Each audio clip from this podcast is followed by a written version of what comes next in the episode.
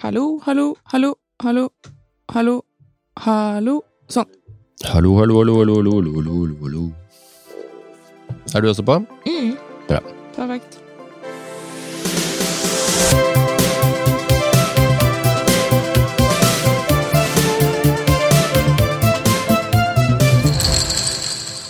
I denne episoden av Utenfor boksen har vi vært så heldige å få besøk av Aslak Rakeli Hartberg, eh, eller bedre kjent som Alice, men jeg tror vi holder oss til Aslak i dag. Ja, mange vil kanskje først og fremst forbinde deg med bandet Klovner i kamp, der du er vokalist, tekstforfatter og produsent. Eh, men du sier at du helt siden tidlig i tenårene har spilt bass i ulike band og prosjekter, blant annet John Eberson Quartet, Shining, Yoga Fire og Oslo Fluid. Du har også komponert musikken til spillefilmer og TV-serier som Tatt av kvinnen, Keeperen i Liverpool, I en speil i en gåte, Kompani Orheim, Heimebane og Ingenting å le av. Du er hovedfagsutdanna lektor i musikk ved Norges musikkhøgskole og har spilt bass med Bertine Satellites, Carpe Diem eh, og mange andre. Du har også skrevet en roman eh, og gitt ut boken Farvel frykt, som handler om fobier. Så du har gjort mye, og du har vært eh, innom veldig mange forskjellige kreative retninger. Så hvordan starta det her? Hvordan gikk du inn i det kreative, egentlig? Jo, da tror jeg vi må tilbake til helt sånn tidlig barndom, hvor jeg bodde langt ute på landet. Mm. Og uten noen naboer, og uten eh, så mange venner i nærheten og sånne ting. Så da hadde jeg veldig mye tid til å kjede meg, da. Og jeg er litt sånn delt på det, fordi noen ganger så sier jeg har barn selv nå, og, sånn, og da sier jeg sånn Det er bra å kjede seg litt og sånn, sier jeg til de, da. Hvis jeg ber de skru av Fortnite-greiene og sånn. Men egentlig så jeg hata jo å kjede meg. Eh, så nei, jeg tror egentlig ikke det er bra å kjede seg. Jeg tror det eh, er bare kjedelig å kjede Ja. seg. Men kan jo hende, da, at jeg, at jeg da satte liksom i gang Fikk mye tid til å drømme om ting. Og for meg så begynte det liksom med sånne drømmer om at jeg ville forskjellige ting, da. Mm. Ville eh, vekk, først og fremst, fra det lille stedet, og inn til et sted hvor det skjedde noe. Ja. Så jeg tror jeg bare drømte om at noe skulle skje. Jeg visste ikke helt hva som skulle skje. Det hendte eksempel at jeg drømte om at eh, det skulle bli flom, eller at uh, foreldrene mine skulle skille seg, eller et, et eller annet. Jeg tenkte ikke det var positivt engang, bare det noe skjedde. Eh, jeg husker jeg skulle sånn synstest, og da løy jeg bare for at jeg skulle få Du vet sånn, Late som jeg ikke så noen ting, bare for at jeg skulle få briller, bare for at noe skulle skje. Ja. Så jeg tror det var min sånn første motivasjon, bare at noe må skje, fordi jeg holder på å dø av kjedsomhet. Ja. Mm. Men på en måte, du, du høres jo litt sånn drømmende ut og eh, fantaserende. Tok du det ut på noen måte da du var yngre? Var du glad i å tegne? Holdt du på med noe kreativt? Nei, jeg tror egentlig ikke jeg tok, fikk noe utløp for det i starten, eh, fordi jeg var ikke god til å tegne, og ikke noe annet eh, jeg kunne spesielt godt heller. Eh, så det var, i starten så var det bare sånn, et ønske om å, å, å gjøre noe, eller at noe skulle skje, ja, eh, og en eh, litt sånn diffus drøm om å være et annet sted, og så hadde jeg jo litt større søsken og sånn, og de var jo liksom ungdommer etter hvert, og jeg drømte om å være liksom ungdom, og og etter hvert så begynte liksom de å henge med andre musikere, og sånne ting, så jeg så liksom disse kule typene med langt hår og som spilte i band og sånn. Jeg liksom drømte om å være en del av det, men jeg kunne ingenting selv, nei. Ikke i starten. Og så flytta dere til Oslo. Ja, Da var jeg tolv, Ja. eller da hadde jeg akkurat uh, på dagen jeg fylte tolv, så flytta ut til Oslo, og det syntes jeg var veldig gøy, da. For der skjedde det jo masse. Det må jo ha vært en veldig kontrast. På en måte Fra et lite sted, ikke så mange venner, til Oslo, som er bråkete, mye som skjer. Ja, Og jeg elsket jo det, da. Ehm, og så på den tiden så begynte jeg å spille bass. Ehm, og da gjorde jeg det. Og det, det å spille bass, det, eller spille et instrument, eller drive med turn, eller sånne ting, det er veldig sånn, en veldig veldig tidkrevende prosess. da. Mm. Og noen ganger når jeg snakker med andre jevnaldrende nå, sånn, så sier de sånn ja, 'Husker du det?' husker du det? Sånn, så sier jeg bare nei, jeg husker ingenting. For at jeg satt jo bare da utrolig mye og øvde, ikke sant? Ja. Og det er jo egentlig ikke så kreativt, når vi snakker om kreativitet. Så jeg har brukt veldig mye av de første ungdomsårene, fra jeg var liksom 12 til jeg var eh, 20, på egentlig å øve på instrumentet mitt. da. Uh, og, det, og da skrev jeg ikke så mye låter og sånne ting, så Men det er kult, da, for det viser jo også at du eh, hadde, du hadde et driv. Du ville noe. Ja. Du ville bli god, og for å bli god så skjønte du vel kanskje at du måtte øve. ja, helt riktig. Ja. Det var, eh, var broren min som sa det til meg, at bare For han syntes ikke jeg øvde nok, og sånn, da, så bare Nei. ga han meg en skikkelig kjenneprekk. Så var sånn Hvis du skal bli god, så må du øve. Da må du sitte her inne til blemmer på fingrene. Og hvis du ikke øver, så er det noen andre som blir bedre enn deg, og da får du ikke noe jobber og sånn. Så da fikk jeg skikkelig kjennepreken, og da turte jeg jo ikke noe annet, da, vet du. Så da øvde jeg masse, men eh, det ga meg jo eh, i hvert fall et på en måte et eh, en inn, innpass i kulturverden, da. Mm. Ikke sant? For da kom jeg jo inn etter hvert på Musikkhøgskolen, eller først på Foss og sånne ting.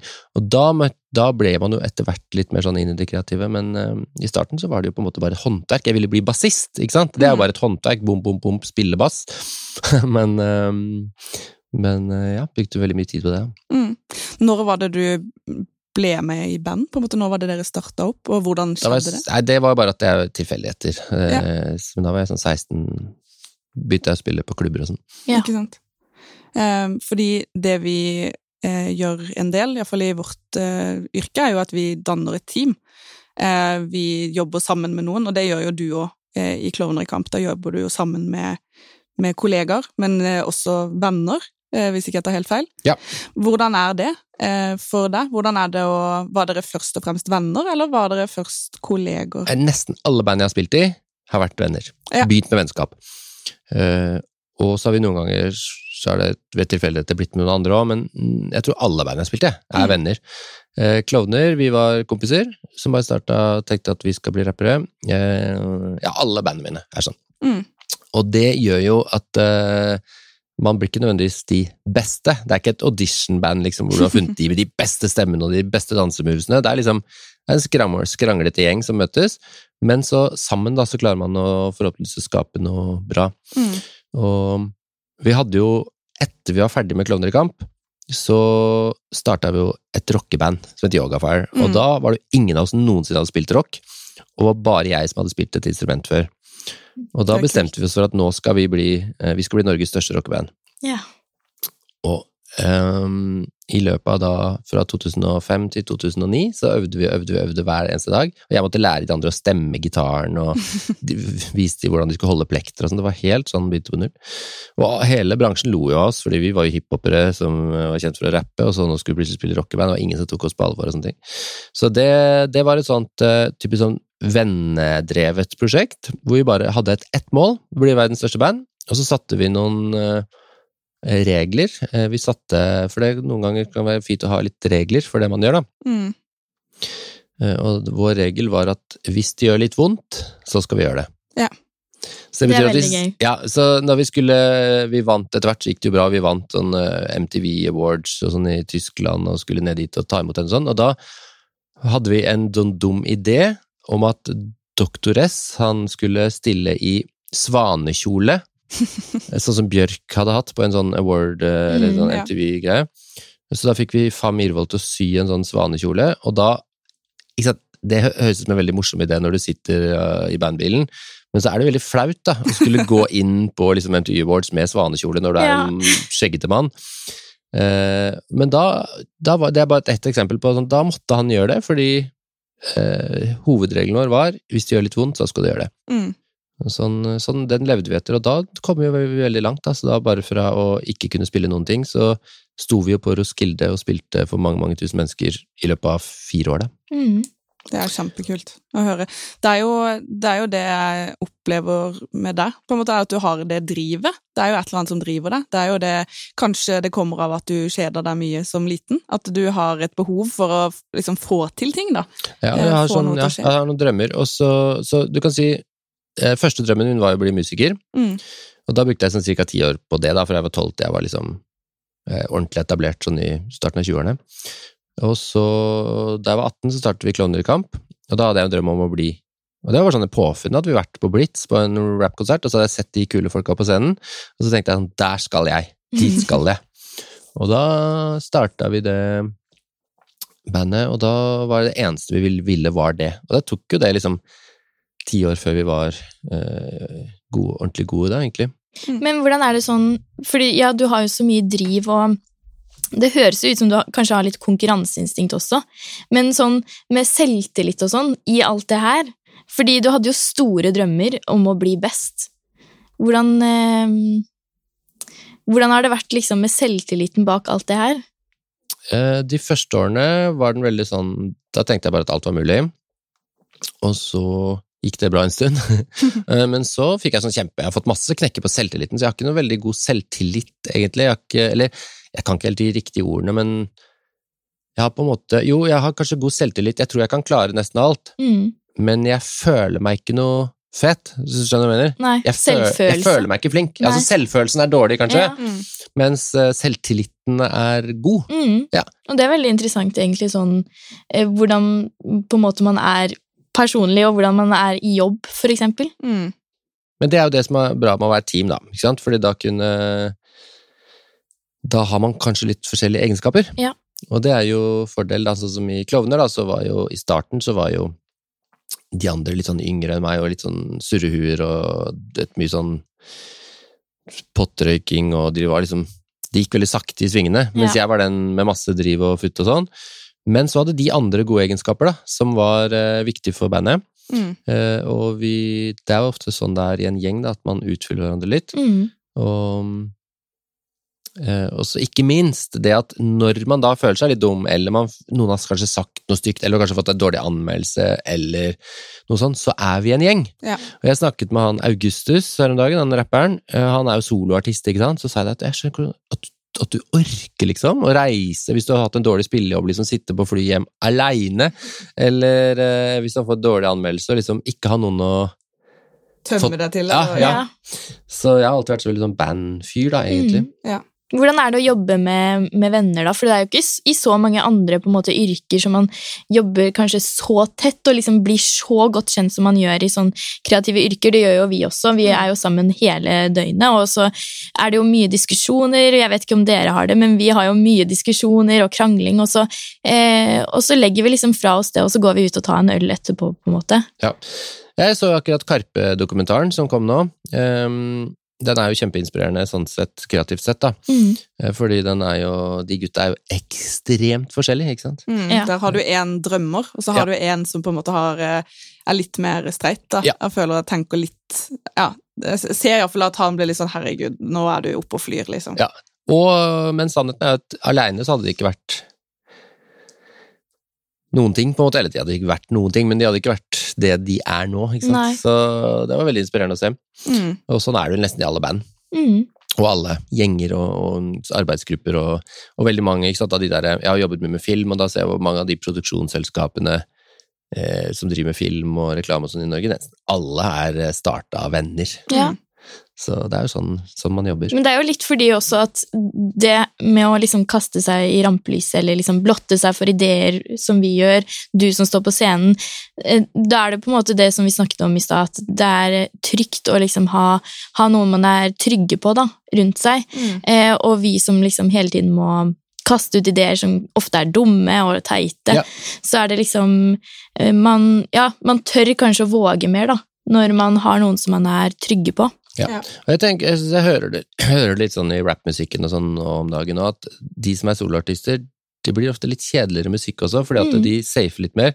Mens vi som er eh, enten er Karpe eller er klovner, eller er vi som er liksom en gjeng, vi, vi tør å være litt mer gærne, kanskje. og Ja. Gjør litt rare ting. Fordi vi har liksom internhumor, og vi liksom tenker ja, fuck it, hvis vi syns det er gøy, så syns sikkert noen andre er gøy. Og, Ja, Og hvis dere mislykkes, så mislykkes du ikke. Det er ikke du som mislykkes, dere er en gruppe, Ja. på en måte. Så det, føles mye tryggere, og da syns jeg det skjer mer spennende ting òg, da. Men jeg, men jeg også så sier en annen ting med det, for det høres ut som jeg er veldig sånn sosial og venner og alt sånt, liksom. men øh, jeg syns eh, det jeg syns er også tryggheten med band og å jobbe sammen med venner, da, er jo at jeg er ikke så god med eh, i det sosiale, sånn med, med fremmede, eller med sånn nei. i situasjoner hvor jeg ikke er så trygg, Mm, så gir bandet meg en veldig trygghet. Mm. Og det gjør at eh, da blir man mye tøffere, da. mm, Så når vi er en gjeng, så kan liksom fuck alle andre, liksom. mm, Men når man er alene, så er man jo ikke like tøff heller. Så, så, så selv om det høres ut som vi er en veldig sånn eh, gæren gjeng som gjør masse greier og sånn, så, så er vi på en måte ikke det alltid hver for oss, skjønner du? Men man blir liksom eh, litt usårbar da, når man er en gjeng, og, og det er vel stort sett veldig fint, da, med mindre det er en sånn uh, eh, byvankergjeng som banker opp folk og sånn, men, de, men hvis, hvis du får et kreativt utløp, da, så er det jo bra. En motorsykkelgjeng og sånn, de, Ja. de, de, de, føler seg veldig tøffe, ikke sant? Ja. Men de er jo sikkert veldig små og usikre inni seg. Ja, det kan hende.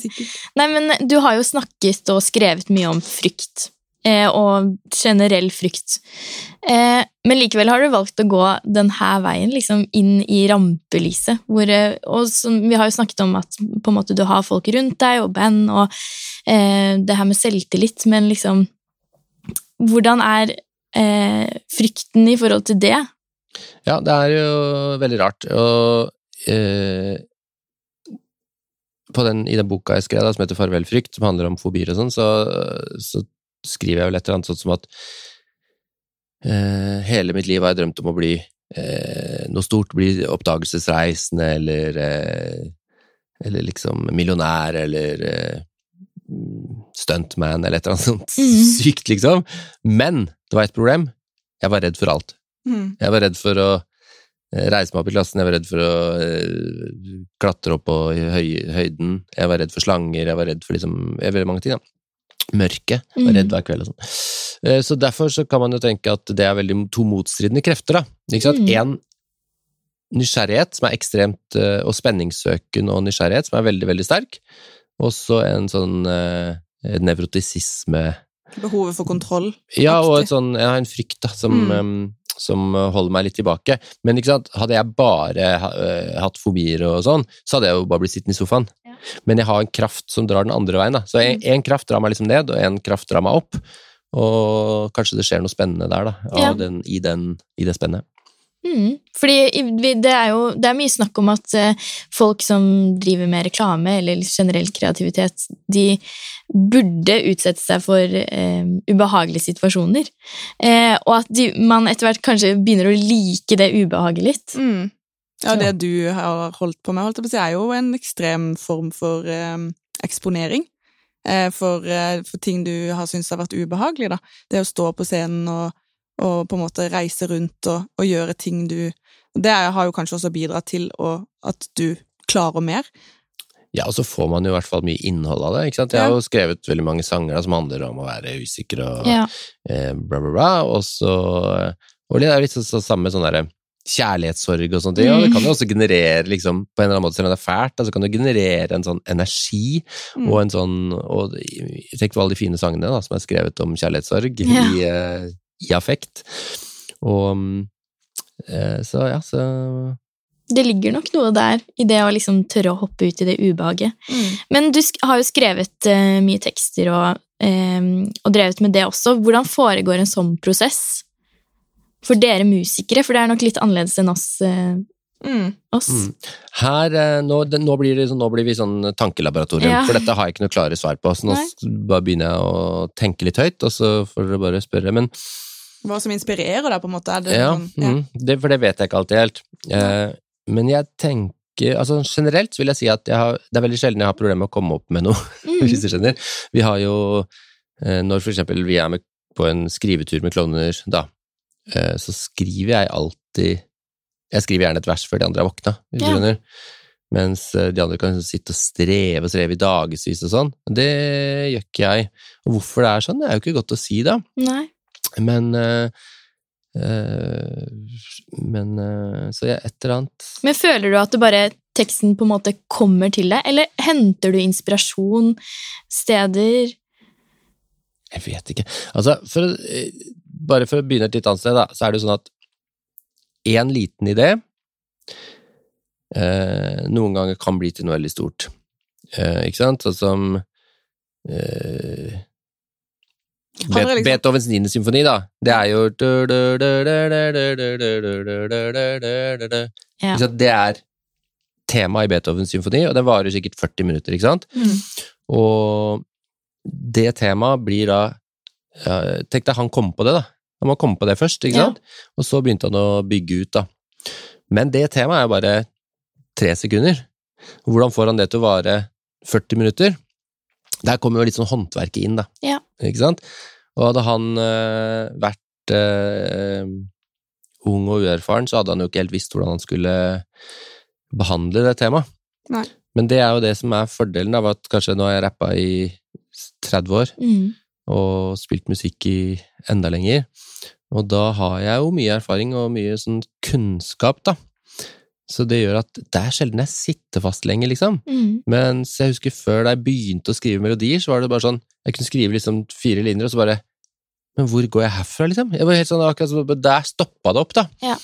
Så det er jo selvfølgelig en, en stor forskjell, det der med Erfaring. erfaring og, og liksom håndverk. da. De Ja. kunne vite at jo, jo, men ok, hvis du kommer dit, så kan du gjøre det, og sånne ting. Men det er egentlig veldig interessant sånn med tanke på vårt studie også, at vi, vi får jo ofte en brief, da, en oppgave som vi skal løse, eh, men eh, vi får jo på en måte umiddelbart ideer, Mm. og så jobber vi oss videre ut ifra de. Ja. Men hvor de ideene kommer fra, eh, det vet jo ikke vi heller. Nei, men det, det er jo også erfaring, eller ja. tidligere erfaringer man har gjort seg. Og det tenker jeg jo også, eh, som jeg kan se for meg litt det du også sier, at eh, du kan si en ting, og så når du sier det, så trigger det et eller annet i meg som får meg til å tenke videre, og så begynner vi å pusse. At hvis noen eh, At du kanskje har opplevd å ha en god setning, da, og så bygges det rundt etter hvert. Ja. At man får automatisk sånn Oi, her er det noe, her kan jeg bygge på. Mm. Men som erfaring føler du også at det på en måte blir enklere å se om en idé er god, eller at du ser at en liten ting Du ser hvor det bærer en, da, på en Ja, du måte. kan kanskje, ja, det kan du si. Ja. Eh, Det kan du si. Men eh, og så husker du jeg sa at eh, i Yogafire så hadde vi en regel sant, som var hvis det gjør litt vondt, så skal du gjøre det. Mm. Um, det har vi også operert med en del andre band jeg har hatt, da. Ja. Eh, At vi har hatt sånne regler, eller for eksempel Eller, eller en tittel, da. Eh, For eksempel eh, hvis vi kommer på en låttittel tidlig, så er det veldig lett å lage innholdet. Ja. Ja. Da er det lett å lage versene og refrenget. Eller hvis du kommer på et refreng tidlig, så er det lett å lage versene. Men hvis du begynner omvendt, hvis du begynner med versene, og så skal du komme på det geniale refrenget, eller den geniale tittelen til slutt, Mm. det blir nesten aldri bra. Nei. Så Det er veldig interessant. ja, det er, og det er litt sånn å ta med seg, for det handler litt om å vite litt hvor du skal. Ja. Eh, hvis ikke så blir det lett at man bare roter seg bort i en eller annen kålåker som ikke blir til noe. Ja, for du har jo skrevet bøker, så du vet jo litt hvordan det er å sitte og skrive også. Men det er jo ofte sånn at vi på en måte sitter og skriver masse, og så er det sånn åh, men hva skal vi kalle den teksten her? Ja, Mm. det er akkurat det. Mm. Jeg tenkte du da hadde hatt en genial tittel først. Sitte Ja. og brainstorme og liksom holde på. Og jeg er jo veldig sånn, det tror jeg mange er nå om dagen, at man sitter og noterer gode ideer på telefonen, Ja. eller synger inn. Mm. Uh, og jeg syns det er gull verdt, fordi da kan jeg ta opp Hvis jeg skal sitte og lage en låt, da, så føler jeg meg kanskje ikke superkreativ den dagen. Jeg hadde kanskje ikke kommet opp med noe genialt den dagen, men jeg eh, Jeg kan bla i de notatene, og så ser jeg det Faen, det ordet er jo dritkult, liksom. Mm. Det vil jeg lage en låt om, og da da er det sånn at det kan renne ut av meg noen ganger når jeg har den gode ideen. da. Mm. Eh, Så det er jo ikke alltid sånn vi jobber, men det, det synes jeg, hvis jeg skal trekke en sånn essens ut av det, så synes jeg det er da det blir mest eh, vellykket, da. Eller oftest vellykket. Veldig kult.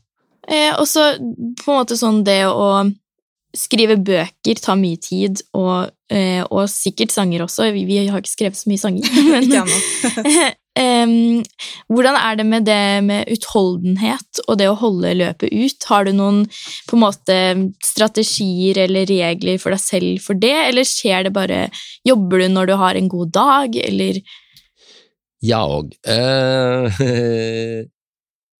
for det første så er jeg ganske konsentrert når jeg Mhm. jobber, sånn at jeg har ikke noen store problemer med konsentrasjonsvansker, nei. Men det er det jo mange som har. mm, Og da kan man jo lage seg noen regler og sånn, selvfølgelig, som du sier.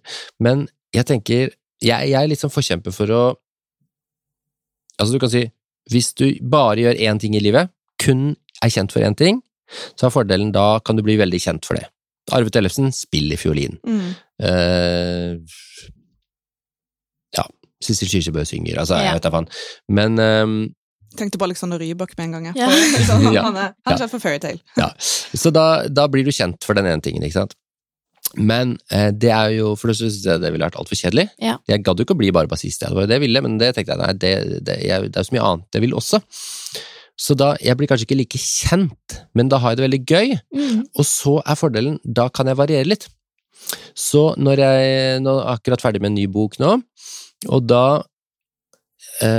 var det sånn at hvis jeg satt, eh, satte meg ofte på kaffebrenneriet for å jobbe, bare fordi jeg var litt sånn lei av korona og Mm. ikke se mennesker og sånn, så bare sitt, satt jeg der og jobber. Og da kjenner jeg liksom nesten sånn eh, om, det, om språket lever, ikke sant? Om, du, om dette blir bra, eller, om, eller om, jeg, om bare flyter av gårde, så, Mm. fort, så fortsetter jeg. Da kan jeg sitte lenge. Men hvis jeg for eksempel merker at nå sitter jeg og, og holder på med den samme setningen Ja, tusen ganger, Mm. da vet jeg at nå, det, i dag skal ikke jeg skrive. Nei. Så da gir du det. Da gir jeg meg, eller flytter meg. Ja. Eller bare, jeg skal ikke mer til at jeg bare pakker sammen uh, Mac-en, uh, kjøper meg en is, så flytter jeg meg over fra kaffebrenner til biblioteket. Mm. Uh, så setter jeg meg der og jobber. Mm. Og da kan det være Plutselig er du i sonen igjen. Så jeg tror sånn å sitte Når du er, når du er i lås, da, Ja. Da må man eh, gjøre noe annet. Og det snakker jo vi mye om på skolen, for vi, vi har en eh, lærer som er ekstremt opptatt av en dame som heter Bluma. Ja. Og hennes, eh, hennes teori da, det var at eh, når det stagnerer, da, da skal man ta seg en pause. Og den pausen den er nyttig, for det hjelper ikke å bare sitte og jobbe og jobbe, og jobbe, jobbe, for da kommer man seg ikke noe videre. da. Nei. Vi har jo ofte altså Mange av våre beste sanger har vi skrevet på én dag. Ja. Og mange av våre dårligste sanger har vi skrevet på fem år. Altså, det er liksom det er, hvis, hvis man har mulighet for å være litt fleksibel, da. Mm. Eh, og jeg prøver alltid å begynne med et eh, Hvis jeg har et kreativt prosjekt, da, for eksempel en filmmusikk, det kan kanskje være åtte måneder til den filmen skal være ferdig, Ja. men da begynner jeg å gønne på som faen fra start. Mm. Fordi da vet jeg Jeg, jeg vil ikke sitte Du kan ikke sitte på slutten og gi, masse stress Nei. og Og komme opp med noe genialt. Jeg, jeg, vil jo ikke det heller, for at da, da sover jeg ikke om natta, og alt blir bare surr, og alle blir sure, og det blir liten sjanse for at det blir Men hvis man begynner tidlig Høres ut som verdens kjedeligste, dølleste lærer, når man sier det, men, men da blir alt så mye friere og deiligere, da. Ja. Og da kan man flekse litt. Da kan du si at nei, men vet du hva, i dag så har jeg ikke lyst til det, i dag har jeg lyst til det, og så og, ikke sant, og noen jobber bedre på dagen, og noen på natta, og det er liksom, vi er forskjellige, da. Mm. Ja, det er interessant at du sier det, for jeg, jeg tror eh, eh, jeg for første gang jeg har kjent veldig mye på at jeg prokrastinerer. Veldig. Eh, når vi skulle ha eksamen nå. Mm. Jeg blir lamma, nesten, av, eh, av å vite alt jeg skal gjøre, eh, og kommer ikke i gang. Men det er jo forskjellig, altså folk er veldig forskjellige der. Noen har jo veldig lett for å gjøre det, og det er jo, du må jo også tvinge deg til å starte. Men eh, så har du også de jeg føler jeg jobber veldig godt under press. Så jeg gjør veldig Men det er ikke sikkert jeg blir like bra. Som du sier, da, at kvaliteten på en måte eh, kanskje ikke er like bra. Men jeg føler at eh, for meg Det tror jeg bare er veldig individuelt. ja, at, man, eh, at å, å starte tidlig Hadde jeg hatt åtte måneder, det hadde Ja. vært helt forferdelig for Ja, meg, tror jeg. Ja. Ja, det er jo Men det er jo sikkert, altså som du sier, da, du har jo masse erfaring, og du, du har jo holdt på med dette lenge. Men eh, Ja, men jeg vil jo bare ha det enklest, diggest for meg. Ja. Ikke sant? det er ikke digg, digg å holde på med åtte måneders arbeid på eh, en måned. Nei, Da hadde jeg, da hadde jeg hata livet. Ja. Så, og i og med at jeg jo eh, Jeg har vært der også, ikke sant? og det er derfor jeg bare tenkte at dette skal jeg aldri mer gjøre. Nei, det er forferdelig. Så da, mm, da har jeg valgt å gjøre litt som annerledes, da. Men det er jo ikke alle som det, er ikke, det passer jo ikke for alle, det. Nei. Men i hvert fall det hvis man har mulighet da, for å flekse litt. ikke sant? Også hvis, det er en, hvis, også hvis du da er superstressa det er en måned igjen til eksamen. Mm. Da er det kanskje enda viktigere å ta den pausen, da, eller å liksom Mm. øh, å bytte litt bare arbeidsstasjon, eller øh, Mm. øh, kanskje gjøre Kikke på noe annet, og så Ja. komme tilbake til det. Jeg skriver ned alt til neste Ja. eksamensperiode, for det, jeg føler jeg gjør samme feilen hver gang. At jeg blir superstressa. Podkasten vår heter jo Utenfor boksen, så Ja. vi må litt innom det Eller vi pleier å dra en liten tur innom det begrepet. Eh, litt om på en måte hva utenfor boksen betyr for deg. Dere har jo skrevet veldig mange kule tekster, og du har gjort veldig mye kult, laget bra musikk, skrevet bøker. Hvordan er det du forholder deg til det begrepet utenfor boksen? Å tenke eller skape ting som er utenfor boksen. Ja, jeg vet ikke, jeg har ikke tenkt så mye på det begrepet selv, men hvis jeg skal se på sånn mitt eget virke, så har jeg vel kanskje aldri vært sånn veldig mainstream, egentlig, nei. Nei. Um, så Og det er jo på godt og vondt, da. Ikke sant? Fordi det er veldig trygt å være inni den boksen, sikkert, for mange. Mm, mm. Gjøre det som alle andre gjør og forventer. Og vi husker veldig godt det med da vi drev med hiphopen, da så var det utrolig mye sånne regler i hiphopen i gamle dager. Det var sånn, Du måtte ikke sånn og sånn, du kunne ikke gjøre sånn og sånn, og, øh, og du skulle i hvert fall ikke ha noe tull og tøys. Og, ikke sant? Vi syntes det var morsomt å bare ha det litt gøy i låtene, og vi spilte og lo på scenen og sånne ting. Og det var sånn, nei, nei, man skal se sur ut på scenen, og helst stå med ryggen til publikum. Det var sånn, Vi gjorde liksom alt galt. Ja. Men der ble jo det på en måte en vinneroppskrift for oss, da, fordi da skilte vi oss ut, ikke sant? Mm. Hadde vi gjort akkurat det samme som de andre årene så hadde ikke vi feira 30-årsjubileum neste år, liksom. Da Men det var et aktivt valg. Ja, det ble et aktivt valg etter hvert, fordi vi ja, I starten var det vel bare et instinkt, på en måte, at eh, vi hadde det gøy og det ga litt F, eh, og så ble det mer og mer et aktivt valg, ja. Mm. Men så, så merker jeg at de gangene vi da eh, har liksom Nei, nå må vi liksom følt oss dumme, da, og ut angret og liksom prøvd å være streite, da blir det kjedelig. Mm. Mm. Litt som det med svanekostymen du snakket om i stad. Ja. Så hvis du ser på hits, da, for eksempel. eh, I min bransje så er det en del som prøver å leve av å skrive hits for andre og sånne ting. Eh, Og det er veldig vanskelig, fordi du kan ikke forutsi, heldigvis, hva som blir en hit. Nei. Og særlig ikke i Norge, for her er det så mye så rart som blir hits. Eh, og hvis du Man tenker liksom at Eller det er lett å tenke når man ikke driver med musikk, da, på å tenke at alle hits er like, men det er de absolutt ikke, da. Så i Norge så er det helt sånn her, plutselig er det liksom en eller annen eh, fyr på dialekt som synger noen rare greier som blir populær, og så er det Mm. Det er liksom alt mulig rart kan slå an, da. Mm. Og det er jo fordi folk tør å være seg selv. Eh, og hvis alle skulle Og det som de derre eh, pop-laboratoriene prøver å klekke fram, det blir ofte litt sånn kjedelige greier. Mm. Jeg syns jo eh, tekst som jeg vet du har vært med på å skrive, jeg føler Eller sånn som jeg har sett, så syns jeg mye av teksten er litt annerledes. Den er litt prega av metafor. Altså, du må Du må Du kan det er, det er mer til teksten enn det du kanskje hører med en gang, da. Ja, Eh, og det syns jeg er litt uh, kult. At uh, ja, den kan være fengende, men hvis du setter deg ned og faktisk leser eller tenker over det, så på en måte åpner det en ekstra liten sånn Å ja! Eh, du får et lite sånn, det vi pleier å kalle sånn aha-opplevelse. da, sånn Å ja, det, det var det du mente, ja. Ja. Eh, det føler jeg jo ofte med sånne Eller veldig mange hits kan jo være eh, til tider enkle.